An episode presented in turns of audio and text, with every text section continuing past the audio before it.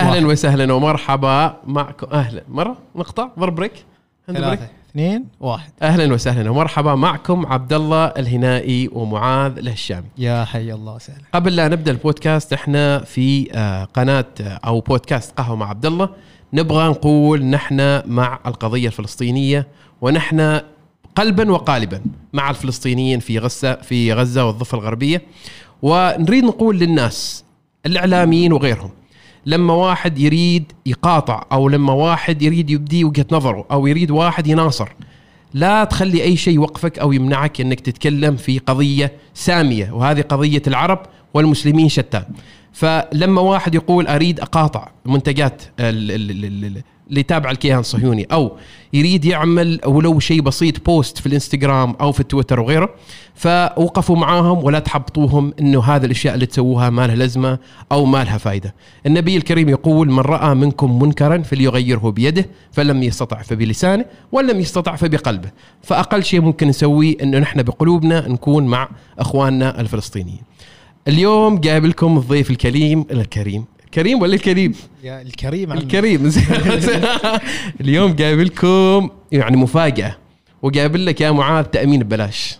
حطيتها بس ترى من الآخر يعني. لكن عمي يوم أبغى أمن أبغى أمن وأنا في البيت. لا ما أطلع. لا هي تأمينك جاينك لين البيت؟ زين. معاي ترى المهندس سعيد الراشدي. سوينا مقدمة طويلة اليوم سعيد. فعشان بس يعني نعطي الناس تركيز واحد يطلع تلفونه ويجهز تطبيق بيمة عشان يأمن سيارته وهو مخلص البودكاست. موافقين ولا تم تم. سعيد أنا عندي ال list مال ما شاء الله الأعمال اللي سويتهن. وأنا أقول لك صفحتين خلصت عشان عشان. الأشياء اللي السي في مال سعيد. سعيد الراشدي الشريك المؤسس والرئيس التنفيذي لجمعية الصناعيين العمانية. مدير عام شركة بيمة. مؤسس شركة سندان للتطوير مدير التكنولوجيا والمعلومات في شركة عمران. أخلص وأكمل ولا. صنف من أفضل 100 رئيس تنفيذي على مستوى سلطنة عمان. يا سلام يا سلام. عجبتك المداخلة هذه؟ ترى معاذ صبعوا على ال- ال- الاكشن اللي موجود. فسعيد صراحة آه، سيرتك مشرفة فيك. جدا. وإحنا يعني صراحة فخورين إنه نستضيف شخص نفسك وفي مواضيع كثيرة أبغى أتكلم معك عنها في هذا البودكاست إحنا البودكاست عندنا آه، منصة للشباب آه، أي شخص يفكر يبدأ مشروع أي تحديات يواجهوها حياتهم اليومية. نبغى نتكلم بكل أريحية وبكل بساطة عن الشباب ومشاكلهم وطموحاتهم كان في المشاريع أو كان في الوظائف وريادة الأعمال وغيرها من الأشياء. سعيد فنبغى نبدأ. مو درست أنت سعيد؟ تقنية معلومات تقنية المعلومات. في الدم. في الدم. من من أنا بديت مع تقنية المعلومات من قبل قبل أيام المدارس قبل- سمعت قبل- سمعت شيء آخر. آه. المدرسة هين درست أي واحدة منهم معهد الشريعة معهد. إسلامي معهد إسلامي ثانوية نعم. بالضبط بالضبط, درست فيه بالضبط في. فيعني عندك نقلة جذرية في آه، ما يمنع يا. يعني آه، أقول لك آه، ما شاء الله عليه سعيد يتلون بشتى الألوان صراحة حربة حربة الماء حربة محشومة كوكتيل لكن. تتكيف يعني تتكيف بشكل جميل جدا صراحة بارك يعني يعني من من الناس اللي أعرفهم قليل يتكيف في الم... يعني بندخل إن شاء الله في المشاريع اللي, دا... اللي سويتهن لكن أنواع وأشكال ونجحت في كل المشاريع. يعني في تحديات أكيد لكل رائد أعمال وفي صعوبات. أكيد. بس أعطيني دراستك في الشريعة سعيد. يعني أنتم من يعني من بيت أنا- علم و... أنا- أنا في التقنية بديت من قبل لا أروح المدرسة أصلا من يوم عمري أربع سنوات. أبوي اشترى لي كمبيوتر اسمه Sinclair أيام زمان وكان في لغة برمجة بيسك وكنت أتسلى فيها وأقضي معها وقت طويل. فالشغف بالنسبة للكمبيوتر الشكر كله وال يعني والفضل كله يعود لأبوي لأنه هو اللي اهتم بهذا الموضوع من الصغر. هو كان عنده أيضا اهتمام كبير في موضوع التقنية ف يعني أخذتها منه. ال- الوالد خلفيته في اهتمامه. اهتمام هو طبعا على أيام هو كان يدرس ما كان في آه، تخصصات كمبيوتر لكن آه، كان مهتم جدا وكان دائما مشترك في يعني مجلات الكمبيوتر كان دائما عندنا في البيت التقنية كانت دائما موجودة. بدأت المدرسة وذيك الأيام كان في كمبيوتر اسمه صخر. أوه أتذكره أيوة، قديم قديم. أيوه. أيضا آه، فصخر كان في لغة برمجة أيضا على مستوى بسيط.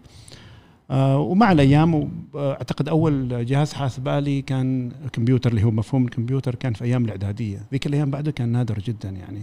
كنت الوحيد يمكن في المدرسة كلها اللي عندي كمبيوتر فمعطيني ادفانتج شوية كان معطيني ميزة. آه فيعني ال- التخصص اللي اخترت اني أتعلمه في الكمبيوتر مبني على رغبة أصلا أو أو فضول كان موجود. بناء على اني أنا اطلعت على الكمبيوتر مبكر جدا حلو. بالنسبة لأصحابي يعني. وكيف صارت معهد الشريعة؟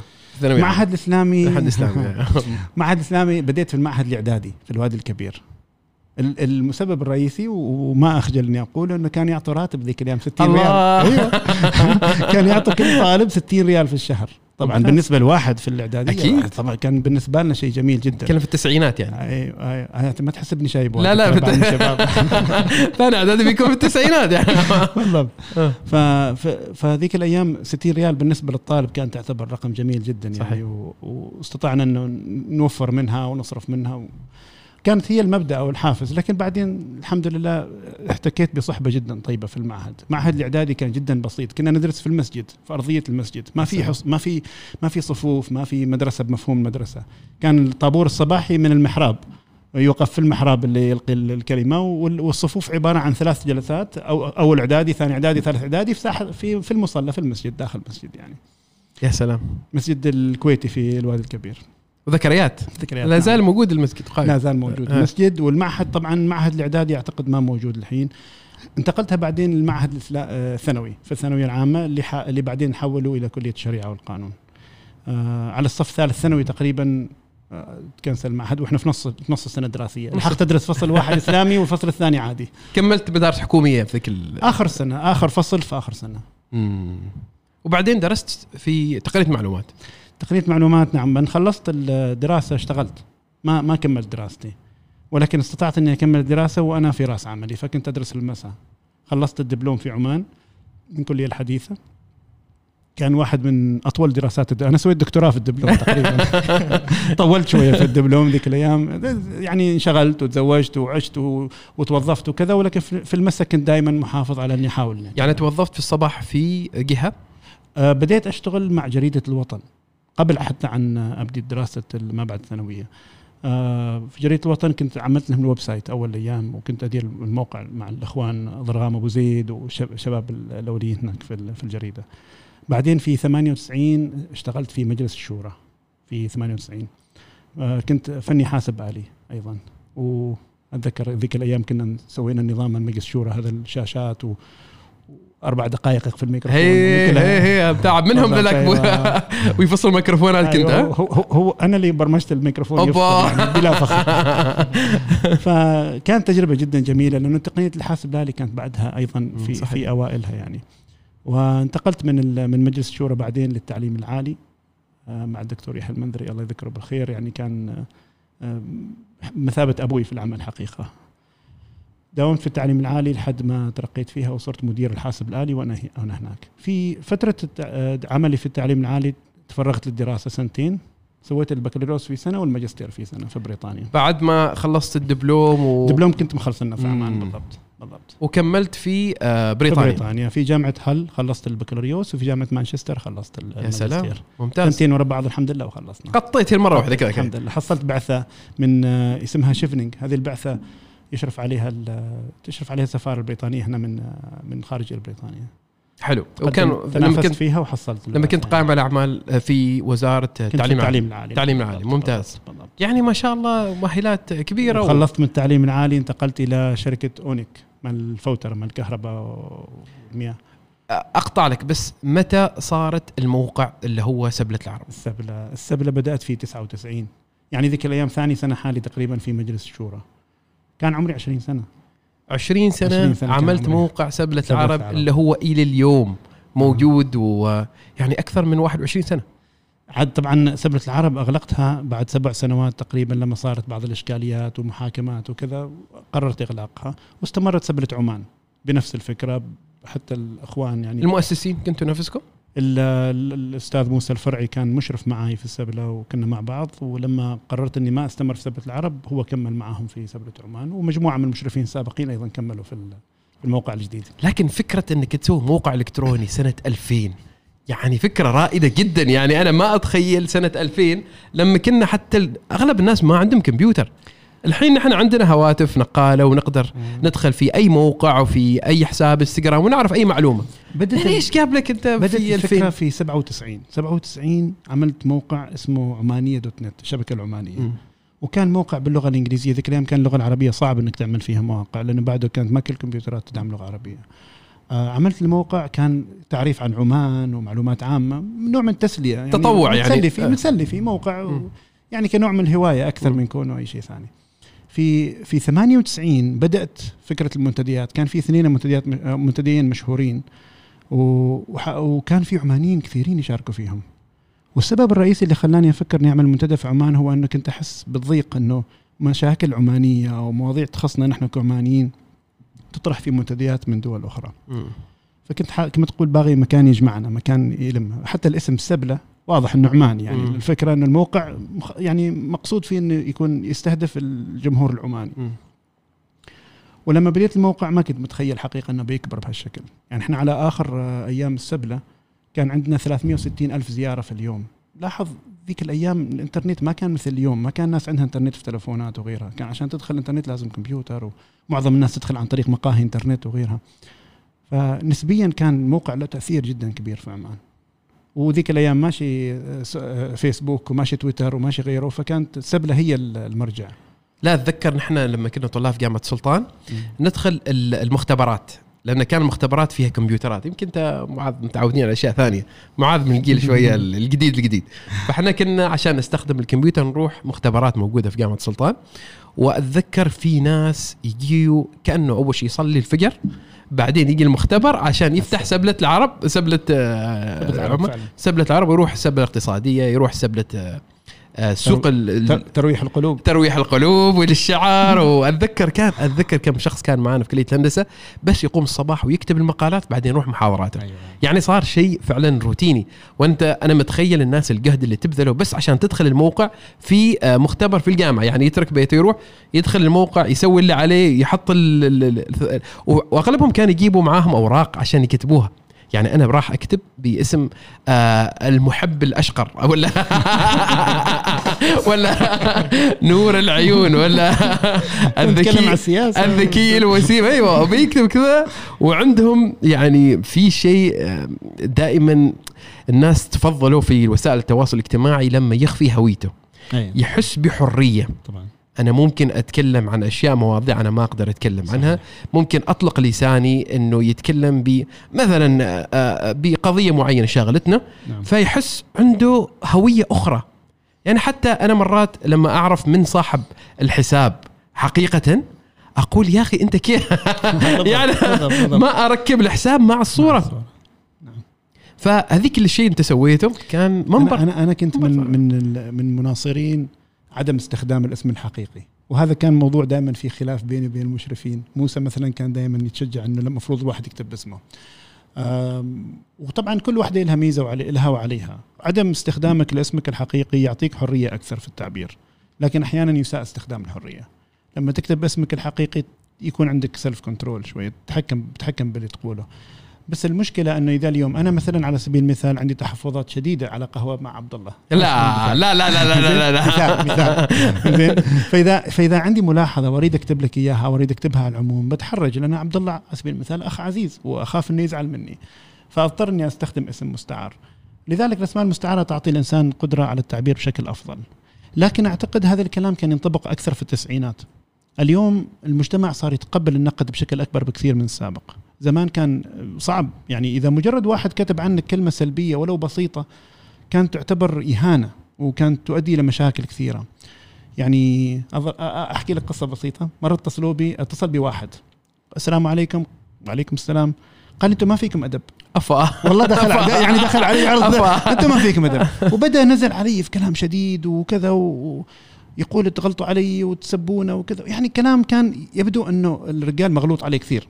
وأنا متعود انه تحصل مواقف شبيهة. حقيقة ما أول مرة. تعرف مكان مفتوح وفي ناس ياخذوا راحتهم أكثر من اللازم فتحصل مشاكل. وأنا اطمنه واقول له رواق وهذا والحين أنا بس أنهي المكالمة معك بدخل السبلة وبشوف وبحذف إذا كان في شيء مخالف وهذا. قال على خذ 45 دقيقة أنا وياه نتكلم. تعبت يعني حقيقة طول المكالمة. في نهاية المكالمة أقول يا أخي العزيز قال ما تقول أخوي أنا ما أرضي يكون عندي أخ مثلك. لما قال لي كذا قلت أنا الموضوع ما. ما بنوصل مكان. قلت له أنا آسف ما أقدر أطول معك برجع أشوف. تعرف إيش طلع مكتوب عنه؟ هو مدير معهد وكان مكتوب اداره المعهد فاشلة. تصور ذيك الأيام لهذه الدرجة كان في صعوبة في التعبير عن الراي حقيقة كان الناس كانت تتحرج لأن ما متعودين إنهم ينتقدوا فما متعودين إنهم ينتقدوا. فأي كلام ولو بسيط كان يؤدي إلى مشكلة حقيقة. يعني كان في ذيك الأيام لو حد جو وقال عبد الله ما يعرف يدير الحوار في برنامجه كان يعتبر نوعا ما إهانة. فلأنه كان في حرج شديد كان عدم استخدام الاسم منطقي أكثر. هذه الأيام العكس. هذه الأيام أعتقد الناس تق- تق- تتقبل النقد بشكل أفضل بكثير من السابق. يعني يعني إيش إيش إيش تعريفك أنت سعيد للحريه؟ يعني خلينا نتكلم بوضوح. مثلا أنت الحين كشخص تعرف أخفائك لهويتك تعطيك نوع من الحرية. مم. الحين أنت الاي بي ادرس مالك في أي مكان في العالم ممكن تطلع الي مكانك بالضبط.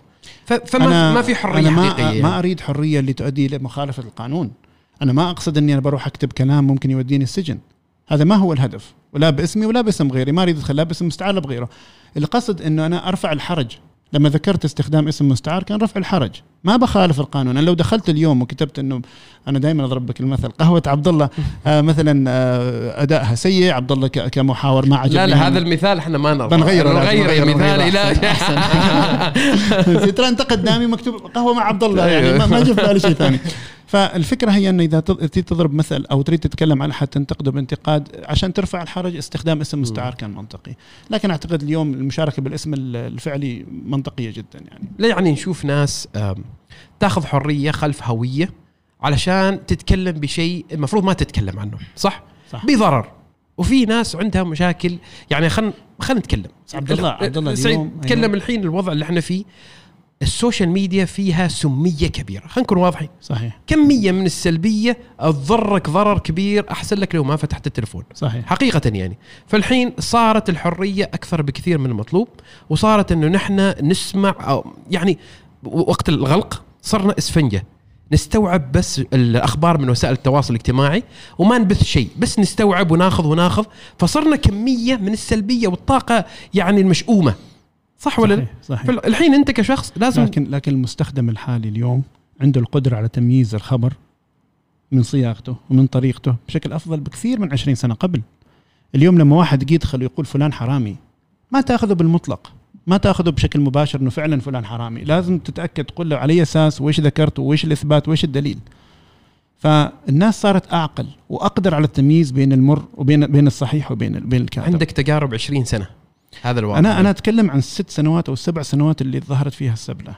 في بداية السبلة كان إذا واحد دخل وقال فلان حرامي كلهم يقولوا الله يصرفه الله وكذا وي- ويدخلوا بشكل سلبي ويتم التفاعل معهم بشكل مباشر. لكن في آخر الأيام أذكر بشكل واضح أن الناس كانت دائما إذا واحد جاء وانتقد شخص أو قال عنه كلام ما صحيح الرد المباشر يكون على أساس قلت الكلام طبعا في ناس لا زالت تتفاعل إلى اليوم ولا زالت تتقبل أي كلام يوصلها لكن أنا أعتقد إن قدرة الإنسان على التمييز بين الصحافة الصفراء وبين بين الصحافة البيضاء وبين بين الخبر الصحيح وبين الخبر اللي- هو فقط من نوع من الت- التهويل وتضخيم الأمور صار صار معقول جدا. كورونا كانت مثال جيد. في من بدء الكورونا العالم كله امتلأ بال- بالإشاعات وبالأكاذيب وبالأخبار ال- السلبية واللي يقول لك هذا مرض وهمي واللي يقول لك هذا غاز واللي يقول لك هذا ماشي منه واللي يقول لك كذا. معظم الناس عندها القدرة إنها تميز إن هذا الكلام ماشي منه ويعرفوا يجيبوا الخبر من مصدره، لكن في فئة معينة في. أقلية نعم. بالفعل لكنه ترى يعني الأخبار اللي يسموها الفيك نيوز. فيك نيوز تتكيف تصير بطريقة يعني أول كانت كلام واتساب بعدين الناس فهمت إنه ما كل الواتساب صح صحيح. صارت تتكيف عن طريق تغريدة. أيوة. تتبع التغريدة من الرمز من المسمى لل تحصلها ما موجود إيه تحصل ما موجود. يعني الحين كل مرة تتكيف في شيء جديد. صحيح. شوف ال- ال social media سلاح أنا أقول عنه دائما إنه خطير وذو حدين. أيوة. ممكن أنت كما رئيس الولايات المتحدة الأمريكية السابق دونالد ترامب حكم بلاد يفنش وزراء ووكلاء بالتويتر. بتغريدة. نعم. حتى ما ما يصير لهم سالفة يعطيهم رسالة استقالة ولا شيء يسوي تغريدة صحيح. فلان تراك انت بكرة ما تداوم. على الملأ. وشوي- ويسوي له mention ويسوي له mention يسوي له mention عن ما يشوف. عن ما يشوف بس يعني. فالمحتوى الإعلامي إن إحنا بشكل عام أنت كنت pioneer أنت شخص بديت بفكرة إعلامية بموقع إلكتروني صار يعني مرجعنا كلنا كعمانيين. أنا عقي أنا. حقيقه يعني بس أنا أريد أن أضيف نقطة هنا. أنا كانت إدارتي للسبلة من ناحية فنية بحتة. أنا ما كنت أتدخل في الإشراف ولا عندي الخبرة ولا القدرة أني أتدخل في الأمور والإشراف والمحتوى. أنا كنت من الجانب الفني. زاد عدد المتابعين كان- أكثر بكثير مما كنت حاطه ولذلك كان عندي أكثر من 45 مشرف. هم كانوا ماسكين الأشراف والمتابعة. وحقيقة أنا ما أقدر أدعي ولا أخذ credit حتى 1% من من اللي كان يدار في السبلة. كان فضولي أكثر من الجانب التقني. ال server كيف الأداء ماله ال processor كم memory عندنا باقي عن وكل فترة يزيد العدد وننتقل ل server آخر وغيرها. فضولي ورغبتي كانت دائما في الجانب التقني أكثر من كونها في آه، الجانب سواء كان المواضيع السياسيه والاقتصاديه لذلك بعد ما انتهت السبلة ما تشوف لي كتابات. أنا ما ما عندي ال- المعرفة أو القدرة إني أنا أشارك بمقالات وكاتب وكذا. لا. أنا إنسان فني يعني. وكان بالنسبة لي الفضول آه، وعمل السبلة كسوفت وير كان أهم من ال- المحتوى. طبعا المحتوى هو الأهم في السبلة لكن قصدي رغبتي الشخصية كانت تميل دائما للجانب الفني يعني. عندي فضول بس شيخ بغيت أعرف إيش سر نجاح سبلة عمان؟ سبلة العرب في البداية؟ سبلة عرب مع إنه آه. كان في وقت يعني استخدام في الحاسب الآلي فيه جدا قليل. كانت ذيك الأيام في صعوبة إن الواحد يعبر عن رأيه لأنه ما كان في أماكن كثيرة. الصحف ما كانت تنشر أي شيء بطبيعة الحال والمجتمع محافظ جدا والنقد كان شبه معدوم. فكانت الطريقة الوحيدة إنك أنت توصل كلام أو تنشره السبله جات هي كانت الشيء الوحيد ما كان في سوشيال ميديا ما كان في آه، أي طريقة أخرى في ذيك الفترة كان ما عندنا إلا آه، أعتقد منتديين آه، على مستوى الوطن العربي فكانت الفكرة لا زالت جديدة بعد ما بدأت السبلة عملت آه، ما أعرف إيش اسمها ال- ال- ال ecosystem المنظومة المنظومة. المنظومة إيه. اللي ما ممكن إنه يجي منافس للسبلة لأنه عدد الكتاب كبير لأنه في قراء وعدد القراء كثير لأنه في كتاب.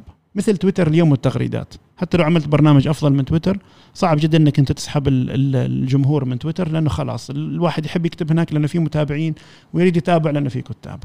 فالسبلة حققت هذا النجاح في البداية. ظهرت منتديات كثيرة و- والمنتديات اللي نجحت بعد السبلة كانت المنتديات المتخصصة.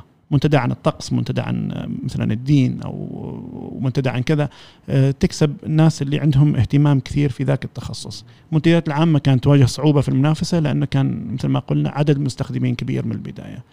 فهذا اعطاها ال- كيف كنت تسوي نفضل. مدخول مدخول من الموقع؟ أبوي كان يصرف علي. لا. كذا من والله. تحية خاصة على أبو سعيد. يستاهل. فكيف يعني في البداية كانت أكيد صعب تدير شيء وأنت قائم على وظيفة معينة. الصباح أنت في وظيفة والمساء بتدير موقع إلكتروني ولا هو حصل زخم إعلامي كبير كبير جدا جدا. ومتابعين. وبعدين يعني في محاسبة إذا كان في أي تقصير أو كان في آه، بعد المتابعين أقل من من المطلوب. بس كيف كنت تسويه علشان إنك تكون مشروع حالك؟ يعني أكيد أنت حطيت في بالك إنه هذا راح اعمل منه مردود مادي. الله السبلة ما كانت يوم من الأيام مشروع ضخم وأنا خطط إني أسويه وكذا. بدأت بمجرد فكرة بغى أسوي منتدى شفت منتديات وكشخص فني حبيت إنه يكون عندي شيء مثلها فعملتها. وال- والنمو صار بشكل غير محسوب. حقيقة أنا ما تخيلت ابدا إنه بيوصل يوم من الأيام عدد زوار بهالطريقة. فما أقدر أقول اني كنت إنسان مرتب ومنظم وعملت مشروع وخططت له وعملت تسويق وعملت marketing. جاءت جاءت سبلة في الوقت الصحيح وكنت محظوظ حقيقة إني أنا كنت متقدم شوية في إني سويتها من قبل. وإلا ما أعتقد إنه كان فيها أي شيء مميز من ناحية تقنية عن غيرها. يعني كان في منتديات كثيرة طلعت بعدين نفس الفكرة. بس first market share أول من دخل في السوق هو اللي أخذ السوق. وما سويت طريقة إنك تسوي monetizing عليه. يعني في آخر الأيام في آخر الأيام آخر أيام السبلة واحد توقع عقود مع معلنين وكذا ولكن صارت الظروف إني ما استمرت السبلة وإلا كانت بادية تنتقل إلى ال- إلى المفهوم التجاري. آه وبعدين آه، بعت آه، سكرت ال- السبب. بعد صارت محاكمات وربشة وكذا واغلقتها والله تبغى تخوض فيهن هذا ما الاشياء عندي ما أنا تكلمت واجد لكن الناس ملوا من كثر ما يسمعوا عن الموضوع لا بس يعني. آه الموضوع السبلة إنه أنت آه فترة من فترات آه صارت رقابة عليك ودخلت حتى للقرقر بالعمان يقولون. مم، زين. فسلمت على القرقور من داخل. ف يعني كثرة الرقابة على الناس اللي تغلط وتعق كلام وتستخدم سالفة الخوية الخوية الهوية الخفية. بقول هوية خفية قلت خوية. فصارت إنه تركيز كبير عليها وصارت منصة مؤثرة بشكل عام. صحيح. ف يعني يقول لك backfired رجعت لك شوية بضرر. صحيح. هل هذا السبب إنه خلتك تغلقها بشكل عام؟ ولا حسيت إنه أنت شيء ما أقدر أتحكم فيه؟ في أعداد كبيرة من المتابعين وأعداد كبيرة من المشاركين. صار أحتاج أوظف لي 100 شخص عشان بس يتابعوا التعليقات والمقالات وغيره.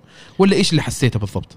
أعتقد كنا ماشيين زين. خلال ست سنوات واجهت صعوبات وفي كم واحد من اللي كان يشاركوا في السبلة تم محاكمتهم على مشاركاتهم بس ما كان موقع السبلة بحد ذاته يعتبر آه، في آه، في قفص الاتهام في حالة إنه يسيء استخدامه. وكان هذا الأمر متفق عليه وماشي بشكل جيد. كل واحد كان يكتب قبل لا يكتب يوقع على شروط المشاركة وشروط المشاركة تنص بوضوح إنه كون إن شخص يكتب كتابة معينة في سبلة ما يعني بالضرورة إنه إدارة السبلة أو المشرفين موافقين عليها. وتأخرهم في حذف المشاركة في حالة إنها كانت مشاركة سيئة أيضا ما يعني إنهم كانوا موجودين. كان عندي مشرفين من بريطانيا على أساس فرق التوقيت ومن أمريكا ومشرفين في عمان. فكان نضمن إن 24 ساعة في نوع من الإشراف. ومع ذلك أنت تتكلم عن أكثر من 10000 مشاركة في اليوم. كان صعب أن يتم مراقبتها صحيح. كلها بشكل صحيح. جيد. فتفلت أحيانا بعض المشاركات آه، اللي يفترض أنها تحذف ولكنها لم تحذف. الفرق أنه آه، في مرحلة معينة الجهات المعنية قررت أنه يحملوا صاحب الموقع مسؤولية ما يكتب فيه. هذا التغيير هو اللي أدى إلى أن السبلة صارت ما ممكن الاستمرار فيها. لأن آه، إذا إذا القانون يلزم صاحب الموقع آه، بمسؤولية أمام كل ما يكتب فكرة المنتديات كلها ما ممكن ما ممكن تتم. يعني أنت بتتكلم عن مكان حر. حاليا نشوف هذه في اليوتيوب مثلا. اليوتيوب تشوف آه، أشياء تتكلم يعني بعيد الشر بلا لكن إعدامات في فيديوهات فيها إعدامات في أشياء تتكلم عن آه، سيادة العرق الأبيض كمثال إنه العنصرية ضد ضد صحيح. المسلمين آه، الحين نشوف بعيننا في غزة كيف إنه يتم كبت الصور في الإنستغرام والتويتر والسناب شات علشان بس فكرة أو بروباغندا معينة عندهم. هذا التغيير اللي صار ما كان ياخذ في الاعتبار أو ما كانوا فاهمين بالضبط فكرة الإنترنت وكيف بتكبر. على الأقل أيام المنتديات كان في نوع من الرقابة على الأقل كان في مشرفين. ففي بعض المواضيع على الأقل تحذف. اليوم في تويتر ما عندك control يجي أي واحد يكتب أي شيء ما تقدر تعمل له شيء. كل اللي تقدر عليه تعمل له reporting أيوه صحيح. تحاول تجمع مجموعة يعملوا report عشان يحذف. لكن ما عندك أي سلطة عليه. فأنا أعتقد المنتديات كانت أفضل من ناحية إدارة الحوار. على الأقل فيها نوع من الإنصاف آه، طالما المشرفين جيدين يعني. لكن آه، عموما اللي صار في ذيك الأيام إنه ربما كان موقف شخصي من بعض الأشخاص كان عندهم تحفظ على طريقة الكتابة ويمكن تهجم عليهم شخصيا ونخوض فيها وغيرها بالضبط. يعني كانت في لكن لكن لكن عموما كانت تجربة جدا ممتازة ولو عاد الزمن بعيدها يعني. يعني المش... طبعا طبعا يعني أنا في نهاية الأمر صحيح كان في محاكمة لكن طلعت براءة. الحكم طلع بالبراءة وما واجهت مشكلة قانونية حقيقة مع المحكمة. بالعكس القاضي آه، الحكم كان واضح إنه بإمكاني فتح السبله في أي وقت. لكن ذيك المرحلة قررت إني أغلق لأن القانون كان فعلا ما واضح بالنسبة لي وكان ممكن في المرات القادمة أتعرض لمشكلة أكبر. وقررت إني خلاص أنا سويت اللي علي والباقي على الشباب. لكن إثارة الجدل اللي صارت ذيك الفترة كان تعبتك من ناحية التوظيف أو من ناحية لا بالعكس الحمد لله. أنا كنت في وظيفتي وما فقدت وظيفتي وما صار لي أي شيء. والإنصاف يعني مع كل الضيق اللي مريت فيه ومع كل هذا لكن لما خلصت القضية ما تأثرت. بالعكس في عملي في في الوزارة قرار الترقية كان بعد المحاكمة بفترة بسيطة جدا يعني. ممتاز. ما تأثرت ابدا في العمل. وأنت صراحة سعيد من الناس يعني ما شاء الله اللي يقولوا جلدهم سميك. بارك يعني أنا أعرف مجموعة من المواقف الصعبة اللي صارت لك. وما شاء الله عليك يعني لو أنا عاد شاح شعري و, و... لا الحمد لله وطيح شعري بالكامل. تعرف ذيك الأيام حتى وين كانت نتكلم عن محاكمة وغيرها لكن تضامن الناس معاي وكنت دائما أحس إنه كل اللي حوالي متضامنين معي ومقتنعين باللي أسويه. ما تحس إنك مسوي شيء غلط. لو واحد مثلا لا قدر الله عليه دين أو عليه التزام وداخل محاكم بسبب مشكلة كبيرة أو مشكلة أخلاقية وغيرها يبقى منبوذ من المجتمع يبقى نظرة الناس له يمكن شوية سلبية. أنا بالعكس أنا كنت أحس بنوع من التعاطف والتآزر ما حسيت به في حياتي حقيقة. فمع كل اللي صار لازلت أعتقد إن الإيجابيات أكثر من السلبيات بكثير. أنت سعيد سويت شيء استثنائي سويت شيء استثنائي يعني بمحض الصدفة. آه يعني ما في كان موجود كما هذه المنصة قبل. بمحض الصدفة. أقول لك أنا ما أني شيء مخطط له وكنت يعني تقدر تقول أني عندي القدرة الإبداعية إني أتصور شيء بهذا الضخامة. واحد من ال IT فرحان بغى يقرب يصير موقع سوى منتدى وفجأة شاف زحمة وناس وربشة و... لا تستصغر الشغل صراحة. حقيقة لا أنا شغل كبير. أنا كنت مثل ما قلت لك اهتمامي بالجانب الفني والحمد لله نجح الموقع وكبر. وهذه مرحلة من مراحل الحياة والحمد لله مشينا. الحين أنا أبغى أسألك عن قصة وسمعتها زين الله يستر. زين واحد من الأصحاب اللي تعرفه قال لي قصة. قال لي إنه واحد من أقاربك قال لك انك أنت مام ال business فلا نعم. تبدأ business. نعم. وما شاء الله الحين يعني أنا شهدت لك بمشاريع بملايين الريالات يعني. نعم. ف نعم. إيش قتلوا الرجال بعد ما سويت ال- المشاريع هذه؟ لما قال لي قال لأنه أنا يعني شوف حقيقة هو شوف. بخبرك بعد شوف الصعوبات دائما في البداية. أيوة. في البداية. وأنت بدايتك يعني آه، أنا سمعتها وأنا أبغاك تقولها بنفسك. أول مشروع سويته سمعت إنك أنت حتى اضطريت تبيع بيتك. صحيح. أبغى نعرف القصة وأكيد المستمعين يعني قصة الإنسان العصامي اللي يبدأ لأنه يؤمن بفكره. ويثق في قدراته وإمكانياته. هذا شيء نادر جدا. صعب صعب اتكلم وكيف يمدحني لا. هذا واقع. هذا. واقع يا سيد. وأنت إنسان عصامي بارك وإنسان حقيقة يعني أنجزت الأشياء و... وبديتها من الصفر. يعني من ما إنك من أنت. خذيت مبالغ ضخمة وبديت فيهن أو أشياء نزلت لك نزول عندك في حظك عشان تبدأ فيها. عمي ما شاء الله. عليك قاعد تشوقني. للموضوع. أيوه تو أنا عشان كذا. اي تو أنا سعيد. خبرنا القصة المشروع. الحين إحنا عرفنا ما شاء الله مسارك المهني المشرف ودراساتك الأكاديمية. والقصة هذه اللي شفت القرقور منها ف... لكن لكن نبغى نعرف القصة. نحن هذه منصة للبودكاست لرواد الأعمال والطموحين اللي بدأ مشاريعهم. وأنت إنسان مخضرم في المشاريع فنبغى نخوض الحين في مشاريعك. والأول المشروع اللي آه، تكلمت عنه. خبرني البداية. آه، أول فكرة ومتى كم كان عمرك لما بديت؟ أنا كان عمري 25 سنة تقدمت على وظيفة رئيس تنفيذي. الله أكبر. و- ولم والمقابلات مشى الحال و- و- و- وتم اختياري من قبل شركة التوظيف ورفع الاسم لمجلس إدارة على أساس توظيف. لما قابلت مجلس الاداره واحد منهم بالصدفة انتبه ان عمري 25 أنا ذيك الأيام في 25 لكن في لحية. بتشوف بتشوفني تقول شكله في الثلاثينات يعني. ف يوم شافني قال أنت 25 سنة؟ قلت لي قال لي ما ممكن أحط رئيس تنفيذي 25 سنة. لا لا لا ما يصير. وفعلا ما ما تم الموضوع. رب ضارة نافعة. يعني ما تعرف الإنسان من نصيبه مكتوب. رجعت ذيك اليوم حزين شوية ومتضايق. إنه يعني عامل السن مهم. وبالنسبة لي تعرف الآ- العمل في ال IT له له limit معين.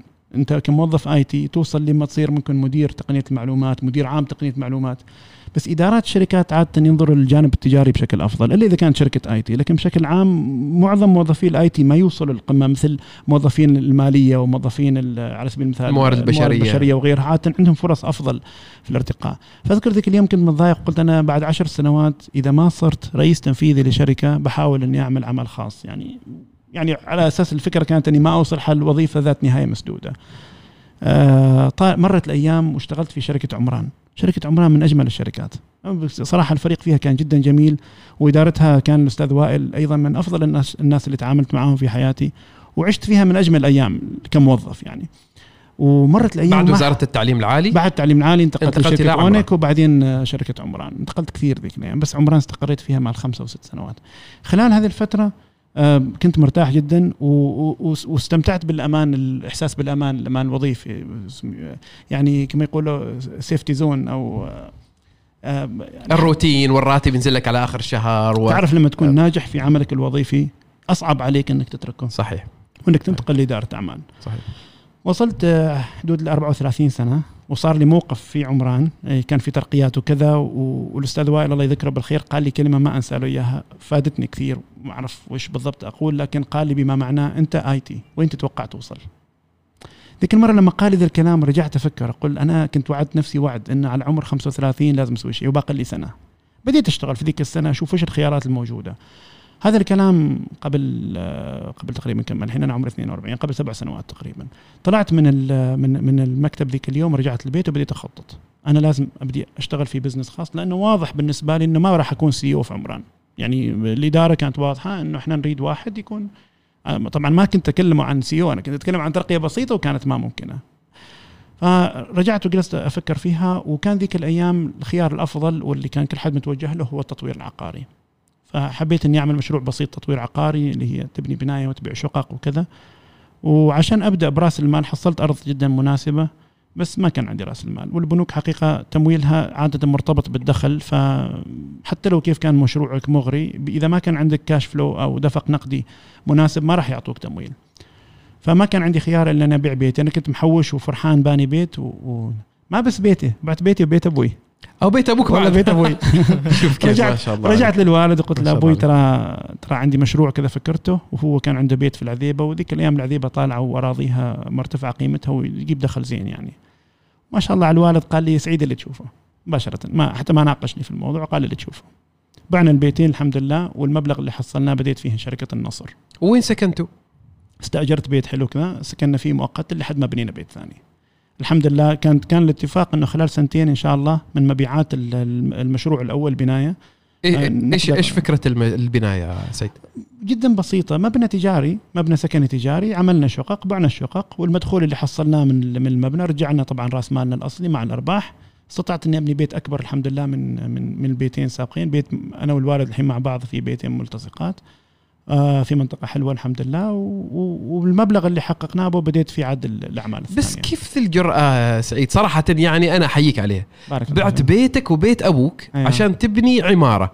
أيوة. وأنت ما عارف العمارة مضمون بيعها ولا لا لكن انت خططت إنه هذه العمارة أعرف موق- موقعها ممتاز و... كذاك. وفكرة في بالك إنه في ناس معينين ممكن يشتروا الشقة. كذاك. يعني أنت كنت تغامر إنك أنت تس... ما... ما يكون عندك بيت. آه، شوف ذيك الأيام العقار كان قيمته زينة. وحتى لو نزل ما كان بينزل بشكل كبير في لحظة. يعني تعرف العقار بطيء شوي شوي يطلع وياخذ وقت شوي لين ينزل. فصح يبدو كأنه مخاطرة كبيرة بيعت أنت خلفيتك. اي تي أنت ما خلفيتك تطوير. أيوه يعني اظني أظني عملي في عمران أثر شوي علي في موضوع التطوير. كان أعتقد له علاقة طبعا أكيد له علاقة. آه، الحاصل إنه كنت مطمن إنه العقار قيمته فيه. أنا حتى لو ما قدرنا نبيعها في يوم ولا يومين في الآخر هي بناية وفيها شقق في يعني مبنى يعني أقل حاجة بيجيب لك دخل يغطي لك تستأجر بيت أفضل منه. فما كنت خاطرت يعني لو قلت لو قلت لي مثلا أبيع البيت وأدخل في بزنس آه، في خدمات مثلا أو أو قطاع استيراد وتصدير أو أو مصنع هناك المخاطرة فعلا أكبر لأنه لأنه إذا فشل أنت تفقد رأس مالك. بينما العقار خاصة في ذيك الأيام أيام كان له قيمة وقوة آه، كان نوعا ما آمن يعني. وإن كان في البداية أنت لما تقول ناس أنا بعت بيتي وبيت أبوي عشان أبدي أول مشروع يبدو كأنه آه، مخاطرة كبيرة وضخمة لكن صدقني كانت مدروسة بشكل جيد. يعني آه، كنت عارف إنه قيمة البناية بعد جاهزيتها بتكون أضعاف قيمة المبلغ الاصلي اللي أنا حطيته في البداية. حتى وإن لم أبيعها كشقق كان لا زال لها دخل كنت أقدر أستأجر بيت أفضل من البيت اللي كنت فيه بدون مشكلة. ما راح أتشتت يعني. فالحمد لله نجح المشروع بشكل أكثر بكثير ما كنت أتخيله والحمد لله حققنا أرباح جدا ممتازة. بنيت البيت البديل وساكن فيه الحين من خمس سنوات ب ب ب أو أربع سنوات. والحمد لله آه، بدون آه، بدون تعب أو بدون مشاكل. فكرة مشروعك. و- و- وعمي أنا أشوف هذا هذا الم- هذه القصة اللي قالها الشيخ مثال جدا ممتاز للتخطيط. صحيح. يعني تخطط صح إن شاء الله بت- بتوصل للمكان ولو خلفيتك. شيء مختلف صح. عن اللي يمنع. تبغاه يعني. يعني المخاطرة لازم تكون مدروسة. أيوه أكيد. طيب ممكن تخاطر لكن تكون مطمن إنه إنه عندك كما يقولوا خطة باء. إذا في حالة إنك فشلت كيف تتصرف؟ أنا كان عندي عقار كنت أعرف إنه في أسوأ الأحوال لو ما ربحت براجع راس مالي على الأقل لكن العمل إنك يعني. تطلع من بيتك هذا شيء أنا يعني أيوة. حقيقة هذا شيء أقدره ما بس كذا قلت يا أبو سعيد من فضلك شيل خشارك واطلع يعني حقيقة الوالد شجاعة صراحة ال- يعني واحيي الوالد ثقة- في ثقته- ثقته صراحة. هذه تحية. تحيه لي يا ابو سعيد نعم حقيقة يعني وثق فيك في بيته أيوه في بيته اللي ساكن أبوي فيه أبوي. أخذ سنوات طويلة لحد ما بنى البيت يعني تعرف أبوي أيضا موظف مثلي كان فالواحد لما يكون يشتغل براتب شهري بناء البيت ذيك الأيام كان في صعوبة ياخذ وقت لحد ما حصل الأرض لحد ما حوش وبنى البيت فالمخاطرة بالنسبة له هو كانت أكبر لكن ثقته في الحمد لله رب العالمين والحمد لله استطعت إني أرجع ال- ال- ال- اسمه بدل البيت بيت أفضل و وصار عندنا الحمد لله. عمل الحين النصر في مشروعها الخامس خلال هالسبع سنوات خمس مشاريع عندنا خلصنا أو يعني أربعة خلصناهم والخامس قيد العمل آه متى صارت شركة سدان؟ سندان بدأت بعدين بعد آه، هذا ما أذكر السنوات الأيام تمر أنا أتلخبط شوية في هذا لكن تقريبا قبل خمس سنوات اظني آه كانت متوازي العمل في سندان مع شركة النصر النصر كانت تمسك مشاريع صغيرة سكنية أبني بناية. فيها 20 30 40 شقة ونبيع الشقق وناخذ ربحنا وندخل في المشروع اللي بعده وهي ماشية. آه سندان مشروع مخ سندان شركة آه طبعا آه أنا شريك فيها لكن كنت شريك بحصة بأقلية ومسكوني الإدارة التنفيذية. الأخوان ما قصروا الشركاء يعني وثقوا فيي واختاروني ان أكون رئيس تنفيذي لل- للشركة. آه المشروع كانت فكرته جدا أنت. المؤسس من المؤسسين لشركة من المؤسسين. نعم الحين مشاريعها تتعدى أكثر من يعني على حسب المشروع الأول كانت قيمته فوق 100 مليون. أيوه مشروع يعني ضخم يعني. مشروع أيوة. جدا ضخم ومشرف أيضا. صحيح. الحمد لله رب العالمين توفقنا. المشروع فكرة أنا أنا الحين سعيد. أباك تعطيني فكرة سندان كيف جاك الأرض اللي فهمتها زراعية ما أصلا ما يعني؟ ما, ما أنا صاحب الفكرة ولا أقدر أخذ كريدت عليها بصراحة. جميل. أنا أنا صح أدرت المشروع لكن أنا جيت في مرحلة لاحقة نسبيا. يعني الإخوان الشركاء كانوا هم من أول آه، مختارين الأرض وكانوا هم مشت... يعني كما تقول حتى المخطط الأولي كان مشتغلين فيه. هي منطقة زراعية بالأساس. هي منطقة المنطقة يعني- كانت أراضي زراعية هناك أعتقد فعلا لكن تحولت كلها صناعية المنطقة كلها صارت صناعية. آه على الخط هذا كان هذاك الخط كله صناعي. من قبل أصلا لا, أنا أكون في الشركة أنا يوم جيت كانت عاد أوريدي المنطقة صناعية والمخططات جاهزة تقريبا يعني ما أقدر آخذ آه كريدت على شيء أنا ما سويته. أنا أدرت الشركة في مرحلة معينة من ال- الفكرة اللي كانت موجودة من عند الإخوان ملاك الأرض اللي هم الشركاء الإخوان آه في سندان. ومسكوني إدارة الشركة واستطعت أني الحمد لله أمسك الموضوع من خلال من عملية التسويق والمبيعات لحد ما أنا طلعت من سندان تخارجت من مع الإخوان في سندان على نهاية المشروع تقريبا. نهاية المشروع. نهاية المشروع. مش- كان المشروع جاهز تقريبا خلاص. مشروع جميل ومشروع مشرف أيضا و... يعني بصمتك واضحة فيه سعيد. يعني, يعني بارك أنت يعني أنا عارف متواضع و... بارك وما تبغى. تاخذ الكريدت لكنه بصمتك جميلة وأيضا مشاريع الحين اللي بدأت أخرى في سندان من سكنات في الجامعة اللي هي مشاريع في الأشخرة أيضا الجهود اللي يبذلوها شركة سندان أيضا جبارة وجميلة ونحييهم عليها أيضا يعني. فالمهم بعد سندان الحين اللي نشوف لي يقول لك الجوهرة على التاج اللي هي شركة بيمه اعطينا علوم بيمة. بيما اعطينا علوم بيمة. أنا أبغى أعرف من التأسيس لأنه قصص التأسيس دائما شيء بالراس ولاحظت أنا الحيتك زالت الشيء مع بداية التأسيس. لكن قبل لا نبدأ في شركة بيمة آه، آه، يعني سعيد أخوانك الشباب الصغار اللي تو يفكروا يبدوا مشاريع في هذا الوضع من التحديات في هذا الوضع من الصعوبات. في هذا الوضع تحبيطي يعني الطاقة السلبية اللي موجودة يعني مع كل الشباب ما نقول آه، خليجيين عالميا بشكل عام. آه، إيش الشيء ممكن تقول لهم إنه هل يلتزم بالمشروع ولا ينسى تماما فكرة المشروع؟ هل يكمل دراسة ولا ينسى تماما فكرة الدراسة؟ أنا أشوف تلاطيش بس في الإنستغرام الشباب يا أخوان ليش تكملوا دراسة؟ ترى ترى ماشي وظيفة. هذا كلام تحبيط وكلام صحيح. يزعل جدا. صحيح. وأنا هذه المنصة واحدة من الأشياء اللي دائما أصر عليها ننقل أكبر قدر من الإيجابية.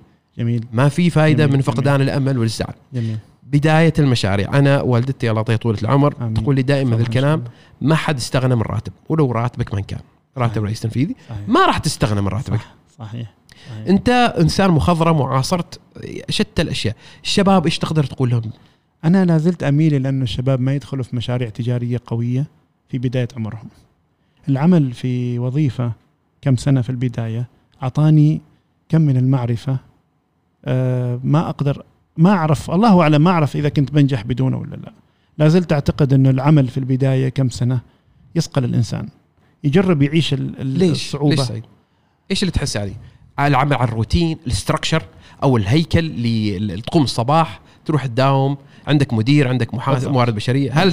تحسوا الالتزام آه، التبعية لابد يوم من الأيام تعمل تحت مرؤوسي لا تحت رؤساء ويشرفوا عليك ويوجهوك وفي نفس الوقت تقلق منهم وتحاول ترضيهم هذا جزء من الحياة جزء يعلمك إن إن آه، إنك أنت تكون إنسان ملتزم عندك آه، حتى بعدين لما تذوق تجربة إنك أنت تكون حر وما عندك مسؤوليات عمل آه، طبعا الع- العمل حر متعب أكثر من غيره بنتكلم في النقطة. لكن لما ما يكون عندك مسؤول مباشر فراغ حقيقة بالنسبة للشخص آه، اللي ما اللي ما مر بالتجربة به- يعني أنت لما تكون صاحب عمل حر ما عندك شخص ترجع له.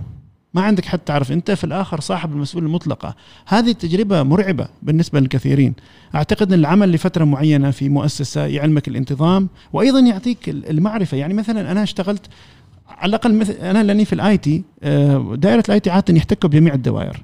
من باب إنه يعملون صيانة على اجهزتهم يعملون برامج وكذا فدائما عندنا اطلاع على اللي يصير في المؤسسة.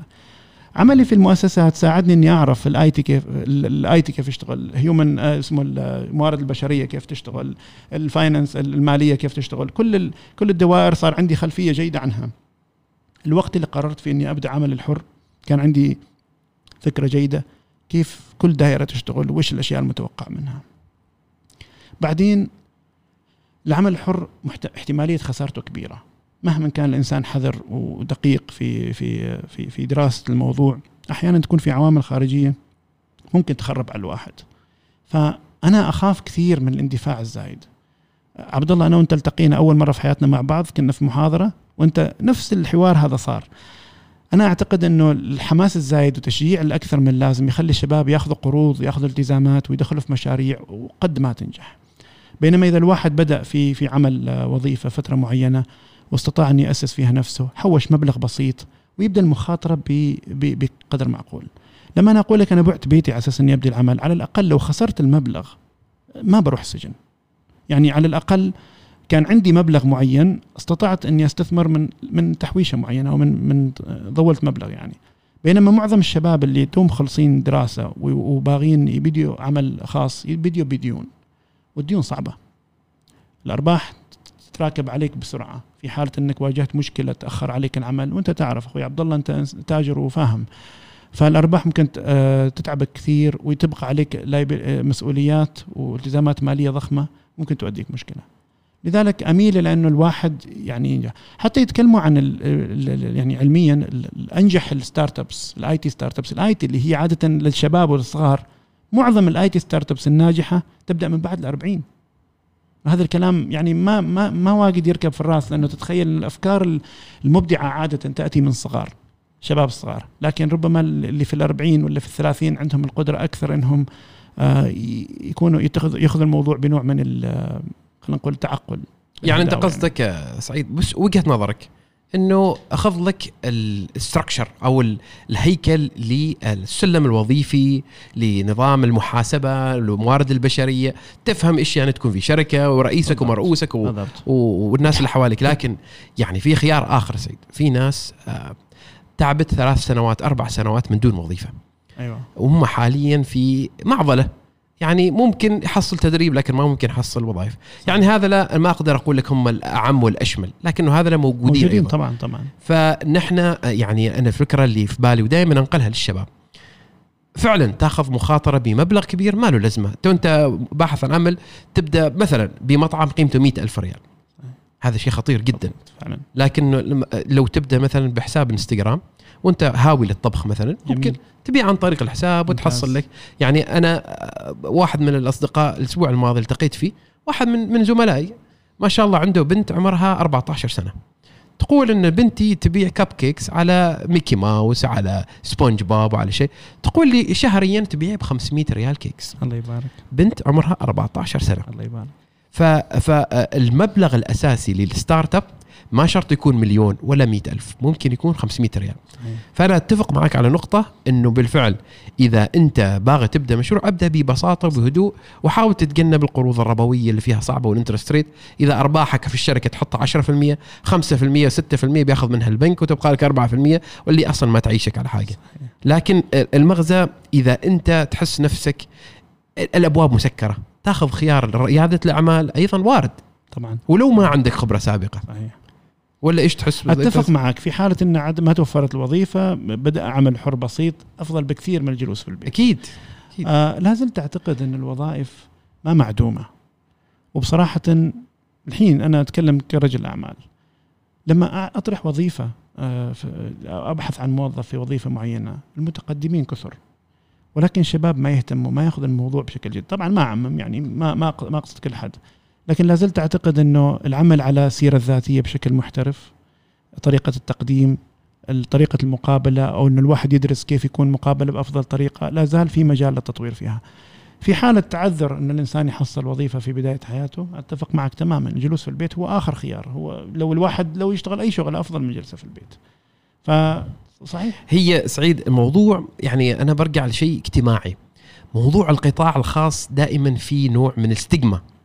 تعال سعيد انت تركت شركة في مكان صحيح. معروف صحيح. وتبدأ شركة بنفسك صحيح. آه يعني يمكن تو معاذ بيعلق يمكن يخطب ولا شيء معاذ بيقولوا انت وين؟ لا أنا أشتغل في آه عندي business عندي business عندي محل إيش يعني يخوف شوي. آه ما يأكل عيش ما يأكل عيش فهمتني؟ مع إنه أرجع وأقول لك النقطة السابقة الثروات الحقيقية ما تجي من راتب. في ثروة حقيقية صحيح. اللي تنتقل عن طريق جيل لجيل لجيل تجي عن طريق التجارة وريادة الأعمال. لكن الناس تبغى ذيك الاستقرار وذيك أنت تقول السيفتي نت اللي حصلتها في شركة عمران هذيك إلها جم- شعور جميل. وانت تقول لو أنا كملت يمكن ما بطلع في ريادة الأعمال لأنه عندك ذيك السلة الجميلة. مرتاح. نعم فعلا. آه، أنا ما أقول يعني دائما الناس تقولني أشياء وتقول إنه عبد الله يريد الكل يسوي business أنا ما أقول ذا الكلام ولا أشوف إنه صحيح. في ناس يعني ما عندها طولة البال أو الصبر. في ناس تحب تسوي في ناس تحب تتسلق الجبال وتعق عمرها من هذا باراشوت في ناس إذا شافت فوق ب- بتجيها أغماء وبتطيح في ال في ال شوف هذا فامكانيات البشر مختلفة. ما كلنا نفس الشيء. ودائما يقولوني أنا إنه يا جماعة عبد الله يقولكم كلكم سووا مشاريع. أنا أتمنى لأني أنا حبيت المشاريع. وحسيت ريادة الأعمال جزء من شخصيتي لا يتجزأ ابدا. وأنا إذا بكرة حصلت وظيفة أنا بياخذ علي واجد وقت لما أتقبل وظيفة. بعد اللي أشوفه من المردود المالي العالي من الحرية اللي هي أهم شيء أنا عندي. بكرة ابى أقوم الصباح بكرة الساعة. أنت مثلا سيد صنفت بتروح تركيا. صحيح. هلا سعيد اليوم بروح تركيا وبكرة بروح فرنسا وبرجع. لكن أنت في بالك شيء إنه أنا ترى مكتبي فاضي.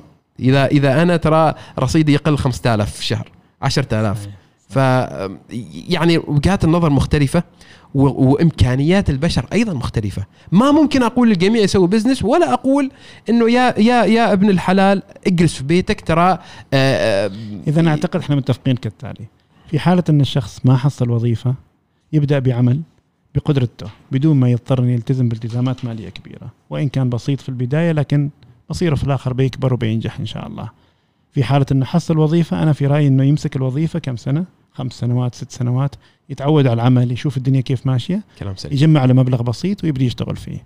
في الآخر هي أهم نصيحة أعتقد في الموضوع كله بالنسبة لي أنا شخصيا لا تدخل في مخاطرة أنت ما قدها لا تخاطر. المخاطرة في بداية العمر صعبة جدا والخسارة خطيرة. فلا تدخل بالتزام ما تقدر توفيه. إذا كنت تقدر تبدأ مشروع تحتاج فيه ألف ريال عشان تبدأ الألف ريال هذا إذا جي من عند حد من أهلك اللي يعز عليك أبوك أمك حد من أهلك يعطيك ألف ريال تبدأ فيها ممتاز. ماشي أحسن عنه لأن هذه الألف ريال لو راحت أنت ما تدخل في مشكلة. لكن صدقني شفت تجارب صعبة الناس دخلوا في بالتزامات مالية ضخمة. في فترة معينة كان في تمويل قوي جدا للمشاريع الصغيرة. مئة ألف ريال كانت سهلة. تقدم. تقدم مقترح شوية كذا وتحصل لي خمسين ألف ولا مئة ألف. مئة ألف ما بسيطة.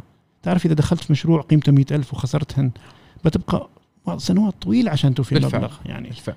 فهنا هنا يمكن أنا أخاف شوية ما أنا في لا لا, لا المشاريع دائما أنت تسبح في بحر عميق. أو كل ما تعلمت أحسن كل ما عرفت تسبح. كل ما يعني العلم متوفر في اليوتيوب في الجو في جوجل في أي قطاع تبغى تشتغل عليه افتح يوتيوب وتابع يعني فيديوهات. مثلا هذا آه، ابن أخي معاذ جزاه الله خير مصور محترف ويسوي فيديوهات وما شاء الله عليه إنسان متمكن يعني يشتغل في شركات كبرى نفس بيبسي وناندوز وغيره الرجال درس نفسه بنفسه. جميل. راح يوتيوب جلس فيه متمزمز. كان يلعب لعبه اسمها Call of Duty غلبوه طبعا خسر كثير. بعد خسر كثير اللعبة. فقرر يتعلم في اليوتيوب. وما شاء الله الحين منفرد في مهارات. اصقلها بنفسه لكن أنا أبغى أسألك سعيد قبل أن نوصل لموضوع بيما ال- ال- الكورونا إيش سوت فيك؟ شخصيا شخصيا؟ أنت مصاب سابق أيوة. بالكورونا من من مؤسسين لفيروس كورونا بارك الله فيك أحسنت يعني فاصبت أنا بفيروس الحمد لله الاصابه ما كانت الحمد. لله. الحمد لله كانت. معقولة جدا حمى خفيفة وكذا آه في حاجة غريبة صارت. الإحساس بال- بالطعم وفقدان حاسة الشم طبعا حصل لي مثل غيري وفقدت الإحساس بال- بال- بال- بالذوق وال- والشم. وبعد فترة رجع بعد أسبوع تقريبا رجع وكل شيء تمام. بعد مرور عدة شهور آه، حاسه الشم عندي آه، ضرب انفيوزاتهن. زين. صرت ما أشم القهوة وبعض الأشياء الثانية والصابون وما أعرف. مو في كم حاجة كذا صرت لما أشمها تجيني ريحة فواكه. إيش دخل الفواكه في القهوة وفي الصابون؟ ما أعرف. اختلط الألوان. شيء- من الفيرات شابك فوق عندي. زين صار هالكلام بعدين يعني بعد مرور عدة شهور. ويبدو إنه هذا موضوع يعني يحصل مع الناس ممكن بعد فترة. جلست أقرأ عنها الظاهر إني ما وحدي واجدين ومرة كتبت في تويتر وتفاعلوا معي كثيرين وقالوا فعلا واحد يقول أنا ال- الدقائق تجيني ريحة قهوة وواحد يقول ما أعرف إيش. فهالكلام يحصل يعني. لكن مع الأيام الحين بدأت ترجع. فقهوة عبد الله الحين نشمها آه، لا لا خلاص. حسيت فيها لسعه ولا يمكن اذا إذا ذقت فراولة خبرني. ترى لازم والله ما أعرف حاط لها فراولة ولا أنا اطعمها فراولة. لا قصص. أنا يعني كل شخص يجي هنا من الضيوف الكرام يعني يفاجئوني بقصصهم خاصة في الكورونا. يعني. عندهم تحديات آه، مختصة في آه، آه، الأعراض مال الكورونا يعني. بس الحمد لله رب الحمد لله بسيطة. كانت الحمد لله يعني- ما حد من حوالي يعني من أهلي يصيب بسببي. لا معاذ يعني- معاذ مثلا هنا محسوبك و- وصديقك معاذ أصيب بالكورونا مسكين ويقول لك صبعه ما يعرف يرفعها مسكين. لكن عمي على طاري كورونا. اليوم عندنا إعلان خفيف نبغى نشارك فيه معانا سعيد. الشيخ سعيد. يا سلام. نروج وش الكورونا؟ وش الاعلان لا، ما اذكر عندنا بعض ال- اللي كنت تتكلم فيها عمي كثير الزنك والأوميجا. يا سلام عليك. هذا إيش؟ هذا الزنك؟ فيتامين عمي. ليمت للزنك. آه هذا لتقوية المناعة. وهذا فيتامين سي. من عند من هذه الهدايا هذا الجميله من عند صيدلية شمس العزاوي. شمس العزاوي. ما تقصر. الصيدلية الجميلة هذه. هذا آه سعيد آه الزنك شيء أساسي اضرب حبته هي هي نعم. أنا بعطيك بعدني الحبة والله الزنك. ناخذ الزنك أنا وياك. يستاهل. هذا الله يسلمك ويسلم غاليك الشباب. في صيدليه عنطيه غرشه الماي. هذا الزنك أنا قريت عنه كثير يا سعيد. ويستاهلوا شباب آه، صيدليه آه، شباب اللي يتابعوا شمس العزاء. شيء هذا عبد الله يعطيك لا لا. اطمن اطمن. هذا منتج آه، جميل جدا. أنا قريت عنه سابقا.